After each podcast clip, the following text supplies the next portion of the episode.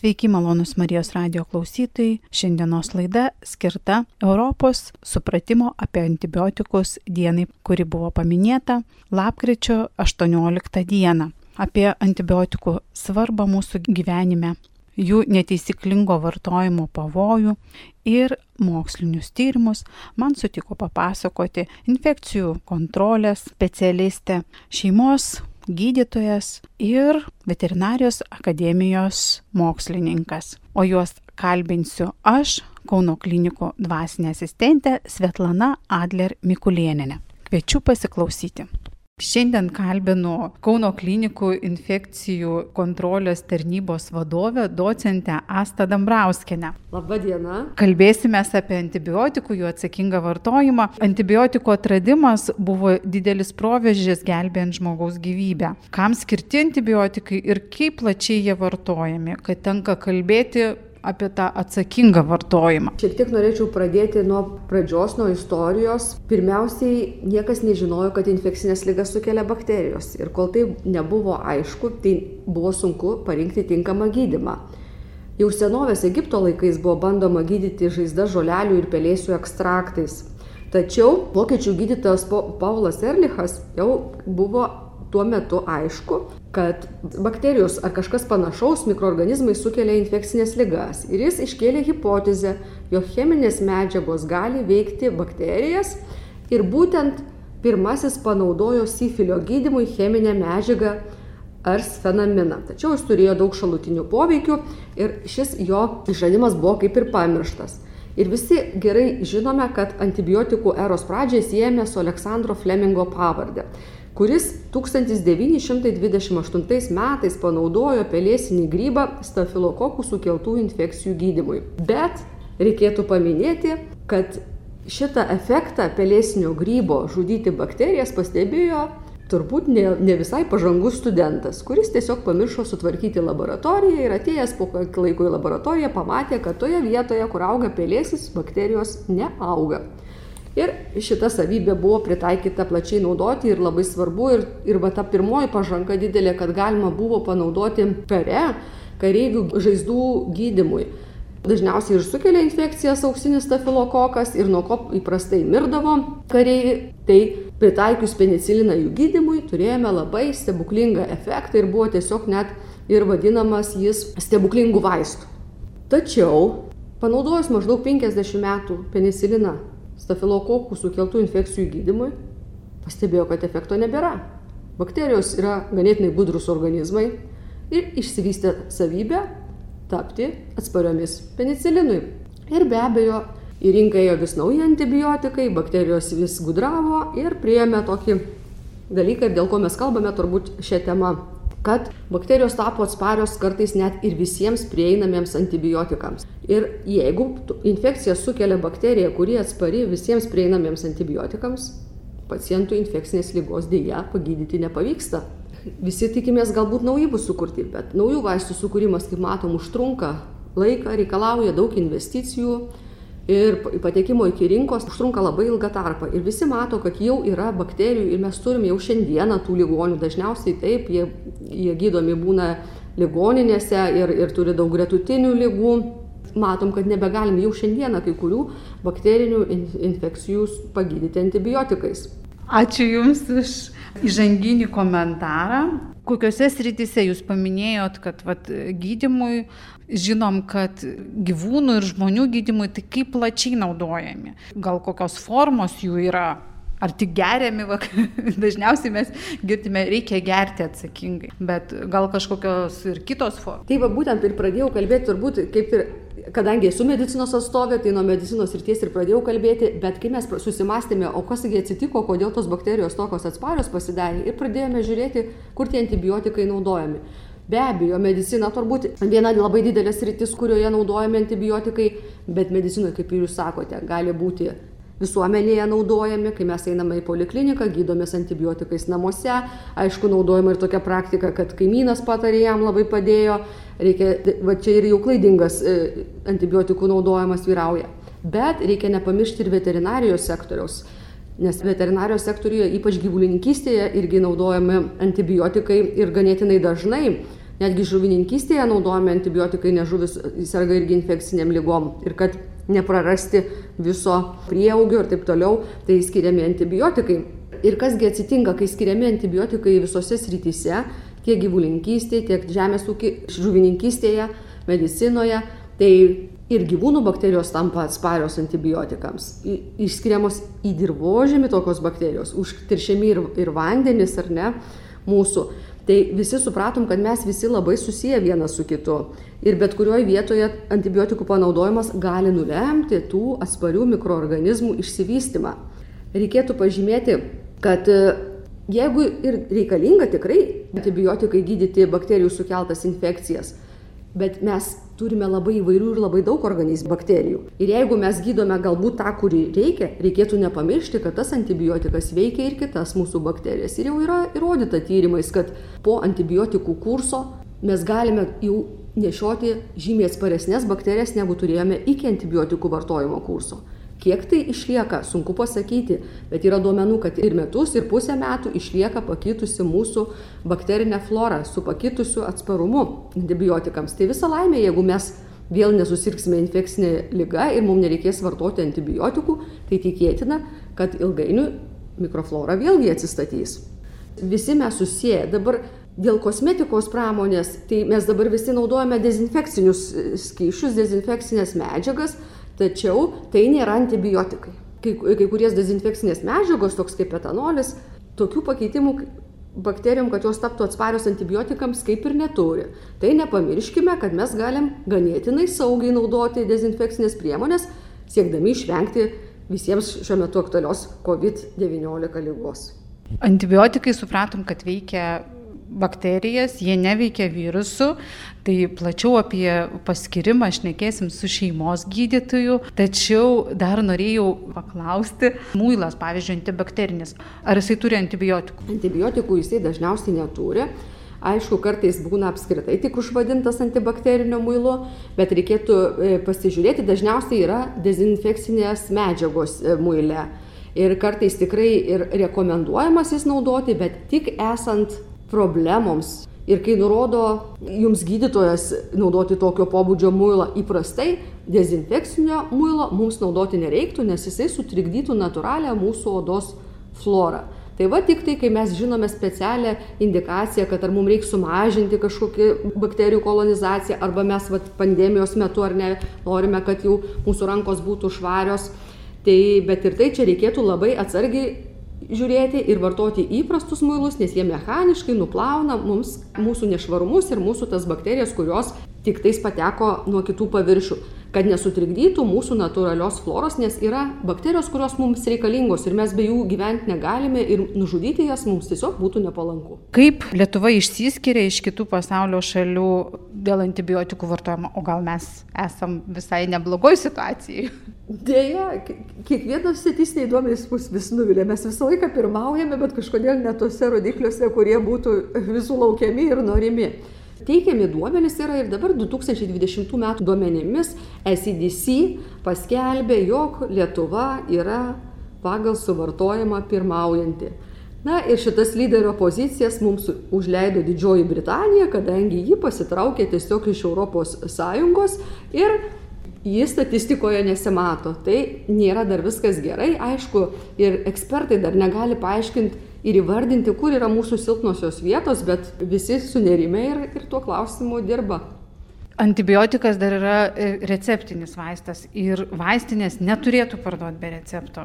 Taip, ir, ir va čia bet ir yra ta sistema ir įvesta būtent taip, kadangi matom, kad Lietuvos rodikliai nėra geri ir yra tikrai žmonės, kurie kūrė politiką antibiotikų vartojimo klausimais tas ir yra idėja, kad būtų būtent antibiotikų reikalingas receptas. Tačiau tikrai visi mes puikiai žinome, kad galima turgeliuose nusipirkti, ypač kur rusiškos prekės ir kitokios parduodamos labai paprašus, pasiūlo antibiotikų.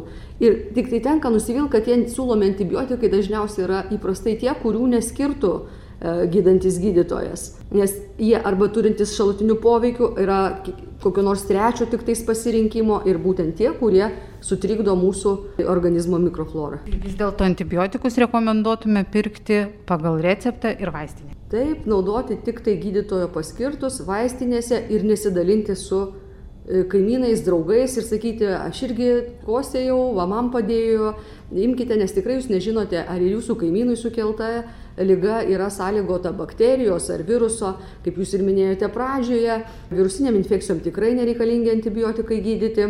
Tai reikėtų tikrai tik įvertinus kraujo rodiklius, lygos eigą ir tik paskyrus gydytoją. Kada pradėta minėti Europos supratimo apie antibiotikus diena, kokią formą tai daroma, turbūt dabar pandemijos metu truputėlį sudėtingiau, bet pakalbėkime ir apie tai. Europos supratimo apie antibiotikus diena pradėta minėti 2008 metais lapkričio 18 dieną. 13 metų praėjo nuo minėjimo pradžios. Taip pat mini ir Pasaulio sveikatos organizacija supratimo apie antibiotikus, tai vadinasi ne diena, o savaitė. Tai matome, kad problema yra pasaulinė, ne tik tai, kad Lietuvos ar Europos.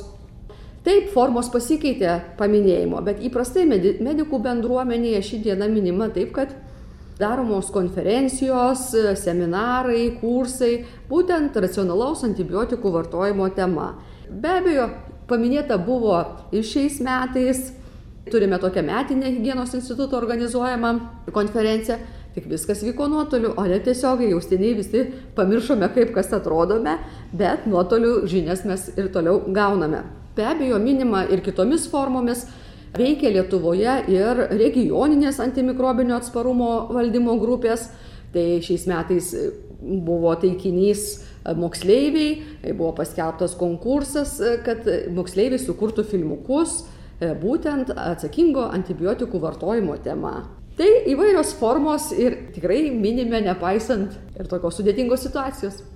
Dėkoju Jums už pokalbį, likime sveiki, likime viltingi ir kalbėsime toliau apie antibiotikus su kitais pašnekovais. Laidą tęsėme su Kauno klinikų šeimos medicinos klinikos vadovu profesoriumi Leonu Valiumi. Labą dieną. Ir pirmas klausimas jums, kaipgi žmogui atskirti, ar bakterinis susirgymas, ar virusinis, nes jau iš e, infekcijų kontrolės vadovės girdėjom, kad antibiotikai gydo tik tai bakterijas, nes gydytojai dabar daugiausiai nuotoliniu būdu konsultuoja. Ar tai įmanoma telefonu atskirti? Na, žmogui turbūt yra sudėtinga atskirti, tam yra medikai, tam yra gydytojai, kurie turi žinias ir kompetenciją atskirti, na aišku, jeigu bendrais bruožais, tai jeigu bakterinė infekcija dažnai būna kartu vietiniai simptomai su kažkokiais bendraisiais negalavimais, intoksikacija, silpnumas, galvos skausmas, nuovargis, temperatūra pastovi. Tačiau aišku, tai gali būti būdinga virusinė infekcija, nors dažniau virusinė infekcija, jeigu atmesime e, tokias sisteminės kaip gripa, kaip koronaviruso infekcija, jos turi na tokį kaip ir vietinį poveikį tarkim jeigu adenovirusas arba rinovirusas tai bus tik sloga arba gerklės skausmas arba tarkime rotavirusas bus viduriavimas ir tų vadinkim bendrųjų simptomų gali nebūti arba bus jie neryškūs Tačiau čia nėra skiriamasis bruožas ir vis tik tai čia reikalingas medikas, nors ir nuotoliniu būdu tai gydytojas geriau orientuotųsi, aišku, geriausiai atskiria, tai yra kraujo tyrimas, tai yra du kraujo tyrimai, reaktyvaus baltymo tyrimas ir bendrasis kraujo tyrimas, kur nagrinėjama, analizuojama kraujo formulė. Tai vis tik tai dažniausiai medikai vadovaujasi šitais parametrais, ne tik tai, kad bendraisiais simptomais ir vietiniais. Ar antibiotikus gali skirti tik gydytojas, ar vis dėlto galima e, nuotoliniu būdu, jeigu gydytojas paskiria arba pasako, kad galbūt gerai ir galima eiti, ar vis dėlto čia yra tik tai receptinis vaistas? Antibiotikai yra receptinis vaistas, tai galima paskirti ir popieriniu būdu, galima konsultuojant nuotoliniu būdu, tačiau tai yra elektroninis įrašas turi būti atliktas ir pacientas gali keliauti į vaistinę, jeigu tai yra paskirtas receptas ir jį gauti vaistiniai. Tačiau pats pacientas nuėjęs prašyti antibiotiko, tai tikrai jam nebus išduodamas. O čia daugiau apie gerimus šnekam, ar tepalai irgi yra prie... Tepalai irgi yra, jeigu tai yra sudėtinė dalis antibiotikas, tepalai geriamieji, leidžiamieji, visi turintys preparatą antibiotiko yra receptiniai. Kaipgi vartoti tos antibiotikus, kokių taisyklių reikia laikytis. Ir iš karto paklausiu, jeigu vieni antibiotikai nepadeda, ar juos galima keisti kitais? Vartojimas taisyklės e, paaiškina gydytojas ar tai prieš valgį yra dalis antibiotikų, kita dalis valgio metu arba po valgio. E, dažnumas taip pat labai svarbu. Vieni geriami vieną kartą į dieną, yra du kart per dieną, kiti yra tris kart per dieną, vėlgi priklauso nuo antibiotiko rušies. Vėlgi, ką reiškia nepadeda, tai antibiotiko efektyvumas vertinamas juos naudojant po dviejų, po trijų parų. Tai jeigu šiandien paskirsim ir pacientas pradės gerti, tai tikrai ne, ne šiandienos reikalas, tai yra dviejų, trijų parų reikalas. Ir aišku, vėlgi gydytojas sprendžia, ar jie padeda ar ne, yra kriterijai, yra lygos kaip, intensyvumo mažėjimas, galų galia tie patys kraujo rodiklių kitimas yra kriterijai, kurie leidžia spręsti. Ir aišku, jeigu po trijų parų nėra pagerėjimo, neretai reikia keisti antibiotiką į kitos grupės antibiotiką, ne į tos pačios, bet dažniausiai į kitos grupės antibiotiką arba į sudėtinį antibiotiką, kuris turi savyje dar, dar kažkokį tai kitokios, kitokio profilio antibakterinį poveikį. Ar yra bakterijų, kuriems, pavyzdžiui, jau nepadeda, nes teko girdėti ir iš Marijos radio klausytojų, kad klausė, va, skyrė vienus, skyrė kitus ir galiausiai žmogus mirė. Kaip pakomentuotumėt šitokį klausimą? Na, yra e, plačiai paplitusi problema atsparumas antibiotikams. Jisai nėra naujiena, tačiau jisai atsiranda nuo pernelik perteklinių antibiotikų naudojimo ir dėl to tie antibiotikai yra receptiniai, kad žmogus nenaudotų, kada jam pasirodė, kad jo reikia, arba kad žmogus naudotų būtent tiek laiko, kiek reikia, o ne pagertų tenai savo nuožiūrą ir paskui numestų truputėlį būklį gerėjant. Na, o taip yra, yra tokių atvejų, Dažnai tai pasitaiko, kada būna e, bakterija sukėlėjas atsparus antibiotikui. Ta galima nustatyti irgi atliekant e, antibiotiko gramas, pasėlius, ar iš e, infekcijos vietos, ar iš kraujo, iš kurio matyti, kokiem antibiotikams sukėlėjas jautrus. Tačiau jeigu turėtų omeny tą ambulatorinę grandį, šeimos gydytojo grandį, mes neturim galimybės ir dažnai neturime laiko auginti e, pasėlius, nes jie trunka ne vieną parą tas augimas ir mums reikia priimti sprendimą čia ir dabar. Tai yra tam tikros grupės e, antibiotikų, kurie, na, tikėtina, kad jie turi platesnį spektrą, arba tam tikra grupė, kuri turi labai siaurą spektrą, bet jeigu yra klinikiniai požymiai tipiniai, tai mes skiriame be pasėlio. Ir aišku, daugiau ligoniniai tas yra atliekami pasėliai ir kada nesiseka sutvarkyti su vienu antibiotiku, daromas pasėlis, randamas jautrumas kitam antibiotikui, skiriamas kitas. Nu, o tai, kad ar numirė ir nenumirė, nu, tai čia galbūt yra ir kitokių priežasčių mirties, nes žmonės turi tokią labai visi vieningą savybę - numirti. Tai čia sunku sakyti, ar nuo antibiotikų veiksmingumo ar neveiksmingumo gali būti gretutinės priežastys, gali būti diabetas, gali būti imuniteto atsparumo e, organizmo sutrikimas, susilpnėjęs, gali būti na, vėžiniai susirgymai, gali daug kas būti, taip kad sunku pasakyti. Ar gali pakengti antibiotikai? Mes šnekam, kad jie padeda gydyti lygas, bet jeigu jie neteisingai vartojami, va vieną dalyką jau pasakėt, kad gali vystytis atsparumas, bet kaip organizmui, bendrai žmogaus organizmui, ar gali pakengti ir kaip? Vaistas, jeigu neturi šalutinio poveikio, tai jisai ir negydo. Tai kiekvienas teisingas, tikras vaistas turi ir teigiamas savybės, ir šalutinį poveikį. Tai tas liečia ir antibiotikus. Tai antibiotikai vienas dalykas, e, vieni kaip ir utilizuojami kepenyse, kiti e, šalinami ir utilizuojami inkstuose, tai vėlgi jų dozės, jų ilgalaikis vartojimas gali duoti pakenkimus šituose organuose. Taip pat ilgalaikis antibiotikų vartojimas, ypač plataus spektro antibiotikų, gali sukelti žarnyno disbakteriozę. Disbakteriozė tai yra, yra būklė, kada pasikeičia mikroflora ir vadinkime išlieka ta atsparioji patogeninė mikroflora, kuri gali duoti žarnyno uždegimus, spazmus, viduriavimus ir, ir kitus simptomus. Ar reikia naudoti gerasias bakterijas po antibiotikų vartojimo, nes vaistinėse tikrai rekomenduoja, perkant antibiotikus, nusipirkti ir gerasias bakterijas. Ta vadinkim saprofitinė arba geroji mikroflora tai jinai reikalinga tuomet, kai yra ilgalaikis gydimas antibiotikais. Jeigu tai yra žmogaus iki, iki tol buvęs sveikas, neturėjęs žarnyno virškinimo trakto uždegimų lėtinių kažkokių būklių ir e, naudoja antibiotikus, sakykime, trumpą laiką, kursas 5-7 dienos, na, čia vėlgi priklauso nuo antibiotiko, nuo lygos.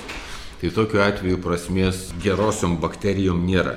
Tačiau jeigu naudoja ilgą laiką, yra būklių, kada reikia naudoti ir, kaip jūs kaip ir kalbėjom, ir keisti antibiotikus dėl neefektyvaus poveikio, tai tokiu atveju jau tos gerosios bakterijos reikalingos, kadangi, kaip minėjau, gali būti disbakteriozė ir norint atstatyti tą žarnyno trakto, virškinimo trakto funkciją, reikalinga jam pagelbėti ir tom vadinkim gerosiom bakterijom. Ar juos reikia vartoti nustojus jau antibiotikus, ar galima e, vartojant antibiotikus? Nes kartais galima girdėti, kad jeigu vartoja antibiotikus ir geri bakterijas, tai išmesti pinigai nesužmuša ir tas gerasis, kurias geri.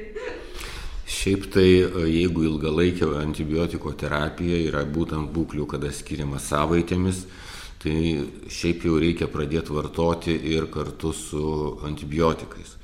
Tačiau e, jeigu nėra simptomų disbakteriozės, tai geriausiai tada jos vartoti pabaigus antibiotikų kursą. Tai mada yra tiesiog kas pusę metų, tarkim, profilaktiškai pagerti. To turbūt nereikia, ar tai yra marketingas? Nėra prasmės. Jeigu nėra antibiotiko terapijos, jeigu nėra kažkokių tai lėtinių žarnyno uždegimų, kurie, kurie galėtų vėlgi keisti mikroflorą, jeigu nėra ilgalaikių viduriavimų, vėlgi dėl įvairių priežasčių, tai prasmės gerti profilaktiškai gerasias bakterijas nėra jokios. Dėkui Jums už pokalbį, tikime susitikti kitose laidose. Ačiū. Toliau apie antibiotikus mūsų maiste kalbinu Lietuvos sveikatos mokslo universiteto, veterinarijos akademijos, mikrobiologijos ir virusologijos instituto profesorių Modestą Ružauską. Labadiena. Pradėkime nuo to, kaip plačiai antibiotikai vartojami veterinarijoje ir kaip mes atrodome Europos ir pasaulio kontekste, kiek Lietuvoje taip plačiai naudojama.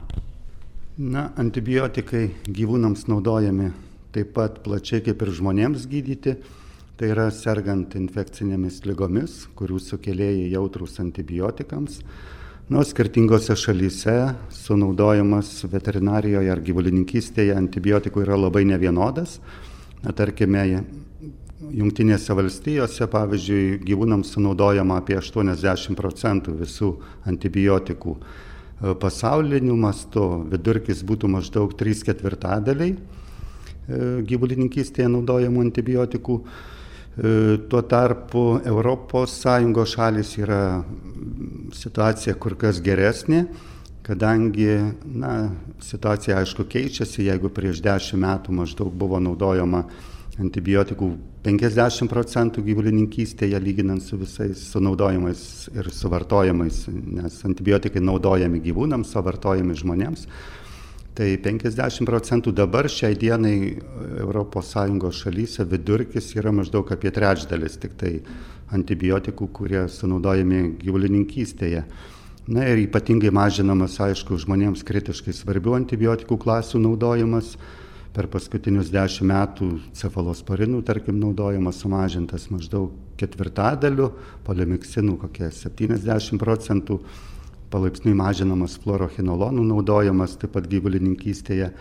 Na, Europa pasaulio kontekste atrodo pakankamai gerai ir čia pokyčiai gyvendinami greičiausiai, tačiau reikia nepamiršti, kad mūsų pasaulis yra vienas, mes importuojame daug maisto produktų iš kitų šalių ir tendencijos, aišku, turėtų būti gerinamos ir kitose šalyse, bet taip ir vyksta iš tikrųjų, netgi Azijos šalyse, kur buvo naudojama tikrai labai daug antibiotikų, pradėta jų mažinti gyvulininkystėje taip pat. Aišku, Lietuva, jeigu žiūrėti ES kontekstą, Lietuva naudoja iš tikrųjų nedaug antibiotikų gyvūnams gydyti ir palaipsniui nežymiai mažina kasmet. Aišku, mes dar negalime lygiuoti su Europos ir pasaulio lyderiais skandinavų šalimis, kur ten iš tikrųjų mokymai apie racionalų antibiotikų naudojimą yra dešimtmečiais, taip kad dar turim kur pasistengti, tačiau visgi mes esam daugiau Šiaurės Europos šalis, o Šiaurės klimato šalys tiesiog natūraliai naudoja, gali naudoti mažiau antibiotikų, kadangi yra mažiau E, infekcinių lygų protrukių negu pietų šalyse, tarkim, Graikijoje, Ispanijoje ten ar Portugalijoje. Antibiotikai ir jų likučiai maiste, iš kur jie atsiranda, jeigu naudojami gyvūnui, tai čia gyvulinės gal kilmės maistas. Ir ar nustatomos, vat jūs minėjot, tas naudojimas mažinamas, bet ar maiste yra kažkokios normos ir kaip jos kontroliuojamos? Kadangi antibiotikai naudojami gyvūnams gydyti, dalis šių vaistų nėra suskaldoma gyvūno organizme tam tikrą laiką ir šiek tiek tik tai vėliau pasišalina į aplinką antibiotikai. Taigi jeigu gydimo metu arba tuoj po gydimo gyvūno paskersime, sakykime taip, jo raumenyse, tai yra mėsoje ir kituose organuose bus antibiotikų likučių tam tikras kiekis. E, taigi, kad to nebūtų, veterinarai labai griežtai kontroliuoja e, tą periodą, kada galima naudoti maistui gyvūnų dalis, mėsą ir tas periodas vadinamas karencijos laiku. Jis visuomet yra aprašytas veterinarinio vaisto praše ir jo, e, na, tikimės, kad griežtai laikosi veterinarijos gydytojai. Na, bet aišku, yra ir valstybinė kontrolė šiuo atžvilgiu, e, valstybinė maisto ir veterinarijos tarnyba kontroliuoja ir kasmet tikrina įvairius pasirinktinai maisto produktus, gyvūninės kilmės maisto produktus, tyriant, ar yra ar nėra antibiotikų likučių mėsoje, piene, kiaušiniuose, tokiuose produktuose.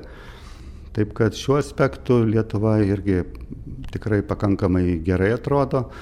E, tų likučių būna tikrai labai nedažnai randama ir mūsų mėsa yra sveika vartoti, Tų normų laikosi visos ES šalis, kadangi tai reglamentuoja direktyvos ir kiti teisės aktai. Nu, tie konkretūs kiekiai, kurie gali turėti įtakos žmonių sveikatai ir atsparių bakterijų vystimuisi, normos tų likučių yra nustatomos atliekant tyrimus nepriklausomų mokslininkų, kurie perduoda savo tyrimų išvadas Europos komisijai ir kitoms atsakingoms institucijoms, kurios ir vėliau išleidžia tas direktyvas, kitus teisės aktus. Ar įmanoma gyvulininkystė šiais laikais be antibiotikų? Ar žodis ekologinis, kurį mes galime skaityti etiketėse, tai reiškia, kad vat, ekologiniam ūkiai užauginta mėsa, tai reiškia be antibiotikų, ar gali būti ir kitaip? Antibiotikai, aišku, ar jie gali būti visiškai sumažinti ar nenaudojami gyvulininkystėje, šį klausimas yra sunkus ir jį sprendžia tiek veterinarijos, tiek medicinos visuomenės sveikatos specialistai ir sunku atsakyti vienareikšmiškai šį klausimą. Aš asmeniškai galėčiau atsakyti taip, kad gyvulininkystėje dažnai galima apseiti visai be antibiotikų, Tiesiog tam reikia laikytis geros gamybos praktikos, tai yra biosaugos, atsivežti sveikus gyvūnus į ūkius, šerti juos tinkamais pašarais, tai yra prižiūrėti jų sveikatą. Tuo tarpu, jeigu kalbėti apie veterinarinę mediciną, kaip apie pacientus, konkrečius gyvūnus jau, tai aišku, be antibiotikų apseiti neįmanoma šiai dienai, nes tiek žmonės, tiek gyvūnai fiziologiškai, anatomiškai yra identiški, na, labai panašus, sakykime taip, ir šiandien gelbsti gyvybės tiek žmonių, tiek gyvūnų. Tačiau čia svarbus aspektas yra tas, kad gyvulininkystėje antibiotikus galima naudoti grupiniu būdu, tai yra e, siekiant kada yra lyga pasireiškia ūkyje, kad apsaugoti kitus gyvūnus galima duoti antibiotikus grupiniu būdu pakankamai dideliais kiekiais, tai čia yra didžiausia rizika. Tuo tarpu individualus gyvūnų gydimas tokios rizikos nekelia didelės. Kai kuriuose šalyse siekiama uždrausti antibiotikus arba bent kai kurias jų klases ir tai jau yra ES ne vienoje šalyje, tarkim Junktinėje karalystėje ar Niderlanduose paskutiniais metais buvo draudžiama kai kurių klasių antibiotikų naudojimas ir buvo labai baiminamasi, kad galbūt bus patiriama didelių nuostolių, tačiau praktika parodė, kad nieko panašaus neatsitiko, buvo galima apseiti be antibiotikų ir tie gyvūnai tikrai nepasireiškia dideli lygų protrukiai. Ir manoma, kad galima mažinti, tiesiog reikia taikyti e, gerą, gerą gamybos praktiką, biosaugos reikalavimų laikytis na ir aišku ir nepamiršti kitų alternatyvių priemonių. Jų šiandien vietoje antibiotikų gal galima būtų naudoti nėra labai daug. Bet pavyzdžiui kaip antai tie patys probiotikai kurie sudaro nepalankias sąlygas e, patogeninėms bakterijoms daugintis. E, Na, yra ir kitų alternatyvų, tokių kaip bakteriofagai, kurie sunkiai tos alternatyvos kartais skinasi kelią kol kas kadangi tai ilgas laikotarpis reikalingas įrodyti kad toks metodas gydymo galėtų būt tikrai saugus tiek aplinkai tiek žmonėms tiek gyvūnams. Na ir būtina nepamiršti vakcinacijos nes ši neteko girdėti kad veterinarijoje būtų nusistačiusių žmonių prieš vakcinaciją kadangi vakcinos labai aiškiai apsaugo gyvūnų ištisus ūkius, jų populiacijas ir yra ypatingai efektyvios ir svarbios infekcinių lygų profilaktikai. Na, o dėl ekologinio ūkio tai ekologiniams ūkiams taikomi kur kas didesni reikalavimai nei tik tai antibiotikų nenaudojimas. Tiesa, ekologiniam ūkiai galima naudoti antibiotikus tiesiog e, individualiai, nedideliais kiekiais, kada tikrai to reikia gyvūno sveikatos išsaugojimui, gyvybės išsaugojimui. Ekologija apima kur kas didesnį spektrą priemonių, tai yra, tarkime, turi būti užauginti pašarai geriausia, kad būtų tame pačiame ūkyje, kur auginami gyvūnai. Gyvūnai, tie pašarai, augalai reiškia, negali būti jiems naudojamos mineralinės trašos, pesticidai. Tai tokiu būdu tiesiog ribojamas cheminių medžiagų naudojimas, toksinių medžiagų naudojimas ir tiesiog platesnė savoka yra ekologinis ūkis. Kalbėkim apie Lietuvos sveikatos mokslo universiteto veterinarijos akademijoje vykdomus projektus susijusius su antibiotikų naudojimu ar bakterijų atsparumu. Kokius vykdote? Tai iš tikrųjų veterinarijos akademijos mokslininkai skiria tikrai didžiulį dėmesį šiai problemai. Daugiau nei dešimt metų e, vykdėme įvairiausius tyrimus, tai žinome situaciją, kokia yra atsparių bakterijų situacija visuose taip vadinamuose produkcijos gyvūnuose, tai yra keulės, galvijai, taip pat e, kokia yra situacija kompanijos gyvūnuose, žirguose, mūsų gyvūnuose augintiniuose, šunyse, katėse. Taip pat tyrėme bakterijas esančias dirbožėmiuose, vandenyje, laukiniuose gyvūnuose. Taip kad šis rytis yra tikrai plati, labai atliekama veterinarijos e, tyriejų na šiuo metu kaip žuvininkystė gali įtakoti atsparių antibiotikams bakterijų plitimą į aplinką. Mes žinom tuos žuvininkystės tvenkinius, jiem iš tikrųjų yra 50-60 metų, jie kasmet naudojami tais pačiais ciklais, ten yra ir dumblo nuosėdos per tiek metų, antibiotikai taip pat naudojami žuvims gydyti gali būti ir tiesiog šio projektu norėtų pažiūrėti, kokia yra saugi žuvis mūsų gyventojams, kiek ten yra antibiotikų, galbūt yra sunkiųjų metalų ar panašiai. E, tai tokius tyrimus šiuo metu atliekame. Ar galite papasakoti apie šiuo metu vykdomą projektą plačiau? Kaip atliekami tokie tyrimai ir kokie gaunami rezultatai? Na, šio konkretaus tyrimo metu, tyriant žuvis, tai siekiame nustatyti, kokią įtaką turi aplinkai ir visuomenės veikatai žuvininkystės tvenkiniai. Ir vienas iš tokių tyrimų buvo pasirinkta, tarkime, du švarūs Dzukijoje esantys ežerai, tarp kurių yra žuvininkystės tvenkiniai. Reiškia, iš vieno ežero vanduo upeliu teka į tvenkinius žuvininkystės, o iš tvenkinių išteka upeliu į kitą ežerą. Taip kad lyginome, kokią įtaką turi tvenkiniai ežerui, kuris susisiekia būtent tiesiogiai, iš kurio teka vanduo į, iš žuvininkystės tvenkinių. Tai toksai tyrimas buvo ir na, mes tyrėme tiek atsparias bakterijas žuvyse pačiose, tiek dugno užterštumą sunkiaisiais metalais, antibiotikais, genetinės determinantės koduojančias atsparumą antibiotikais, taip pat ekotoksiškumą, genotoksiškumą, tai yra daug rodiklių. Na ir nustatėme, kad nors ir žuvininkystės tvenkiniai turi tam tikrą įtaką aplinkinių vandenų taršai antibiotikais atspariomis bakterijomis, tačiau iš esmės žuvis kaip maisto produktas tokių atsparių bakterijų turi santykinai nedaug, jeigu lygintume, tarkim, su produkcijos gyvūnais auginamais fermose. Ir nenustatėme nei dugno taršos antibiotikų likučiais, nei sunkiaisiais metalais. Taip kad žuvis yra tikrai geras, pakankamai saugus maisto produktas, tik tai reikėtų pasakyti, kad ji turi būti būtinai termiškai apdorota, kadangi visgi atsparių antibiotikams bakterijų galima rasti tiek tvenkinių, tiek ežerų ir ypatingai upių žuvyse.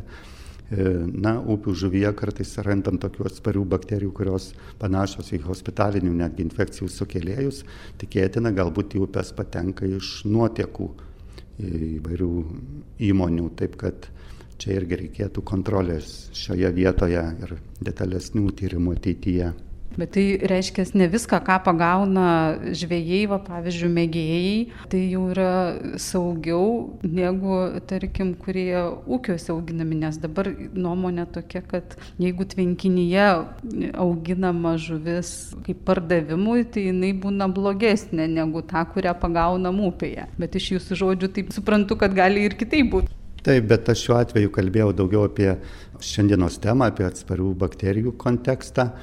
Bet jeigu kalbėti, tarkim, ir apie sunkiuosius metalus, tai tvenkiniuose, pavyzdžiui, nustatėme padidintas šiek tiek normas tose vietose, kur tarp tvenkinių ėjo geležinkelis ir vykdė kažkoks transportas. Reiškia, pati žuvininkystė tiesiogiai neįtakoja cheminės taršos, bet transportas aplinka daugiau įtakoja. Taip kad upėse ir panašiai, juk mes žinom, kad įvairių nuotekų gali būti, taršos įvairios o upės neša vandenis pakankamai toli ir visą laiką akumuliuoja tiek dumble, tiek kažkur tai tas e, cheminių medžiagų įvairias nuosėdas liekanas. Taip kad tikrai šiuo aspektu tvenkinių žuvis gali būti saugesnė netgi negu užlaukinė žuvis. Supratau, toli gražu neteisyklė, bet upės irgi yra netokios švarios pas mus Lietuvoje. Kokias matytumėte antibiotikų naudojimo ar bakterijų atsparumo tendencijas žemės ūkio sektorija? Aš manyčiau, kad e, jeigu žiūrėti tų tendencijų, kurios yra šiandien, tai antibiotikų kiekiai bus mažinami gyvulininkystėje kadangi vis daugiau galima pasiekti gerų rezultatų laikantis biosaugos reikalavimų. Juk mes jau ir šiandien galime pastebėti, tarkim, prekybos centruose produktų, kur parašyta užauginta be antibiotikų, kas rodo, kad yra iš tikrųjų kuriasi pažangus ūkiai. Tokie ūkiai visada turi privalumą pirkėjo atžvilgiu, nes jis rinksis produkciją pirmiausiai tokia Taip kad e, manau, kad bus mažinamas antibiotikų kiekis, aišku, galbūt ne taip ženkliai, bet po truputį. Na, gyvūnuose augintiniuose, kaip, kaip pacientai mūsų, tai aišku, jiems galbūt nebus mažinami tie kiekiai, kadangi visuomet reikalinga gydyti sergančius gyvūnus. Tai bet dar reikėtų nepamiršti tokio termino kaip viena sveikata, kad mes dalinamės bakterijomis su savo augintiniais, mes negalim išvengti kontakto su savo šunimi, kate, kurią auginame būte, taip kad e, naudojant antibiotikus vienai pusiai, sakykime, visą laiką turėsim analogišką situaciją ar žmonėse, ar gyvūnuose mūsų. Taip kad čia būtinai turi būti bendri tokie E, taškai, bendri kažkokie tai projektai, seminarai, kad ne vien tik tai savo srities siauros profesionalai kalbėtų, bet žymiai plačiau tiek ekologai, tiek visuomenės veikatos specialistai įsijungtų. Na ir mano tokia viena iš prognozių ir perspėjimų būtų pagal mūsų duomenis tai, kad šiuo metu, ko gero, kiek mes tyriame įvairių objektų, Tai dirbožėmiuose gyvena ir pačios atspariausios, ko gero, bakterijos, todėl kad jos natūraliai yra atsparios antibiotikams, kadangi gyvena tarp grybų, tarp kitų bakterijų, kurios gamina antibiotikus. Ir šiuo metu ūkiai Lietuvoje, jau nekalbant apie Europą, yra pakankamai intensyvūs, daug auginama monokultūrų. Ir jeigu mes tuos ūkius dar labiau intensyvinsime, naudosime chemikalų pakankamai, tai mikroorganizmai, bakterijos tos pačios gyvena maždaug milijardą metų Žemėje, apie tūkstantį kartų daugiau nei mes gyvename. Taip kad jos yra puikiai prisitaikę ir jos visada randa išeitis, kaip jiem prisitaikyti. Taip kad jeigu jos negaus savo gyvenamosios aplinkos, bus įstumtos iš ten, gali būti taip, kad jos ieškos naujų nišų ir tos nišos gali būti mes, gali būti mūsų gyvūnai.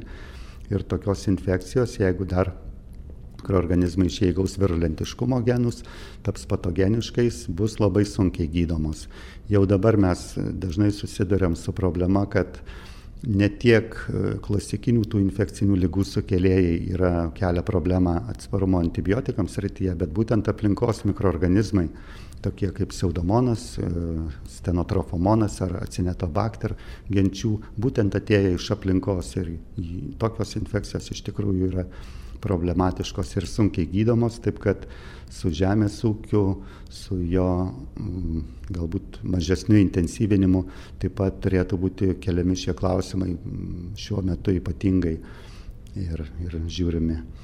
Taip kad turėtų tyrėjai įvairių sričių bendradarbiauti tarpusavyje, o atsakingos institucijos, aišku, gauti iš jų savo laikę informaciją, rekomendacijas, kągi daryti kiekviename sektoriuje, kad antibiotikų naudojimas mažėtų. Labai dėkui Jums už pokalbį, išsakytas mintis, lauksime naujų tyrimų ir Jūsų išvadų. Linkime sėkmės. Ačiū Jums. Atsakingai vartokime antibiotikus, džiaukimės, kad antibiotikų mūsų maiste beveik nėra ir palaikykime vieni kitus, būkime atsakingi ir būkime sveiki. Laidą baigiame, o joje šiandien dalyvavo Kauno klinikų infekcijų kontrolės tarnybos vadovė docentė Asta Dambrauskenė, Kauno klinikų šeimos klinikos vadovas profesorius Leonas Valius ir Lietuvos sveikatos mokslų universiteto veterinarijos akademijos mikrobiologijos ir virusologijos instituto profesorius Modestas Ružauskas. O visus juos kalbinau aš, Kauno klinikų dvasinė asistentė Svetlana Adler Mikulieninė. Sudie.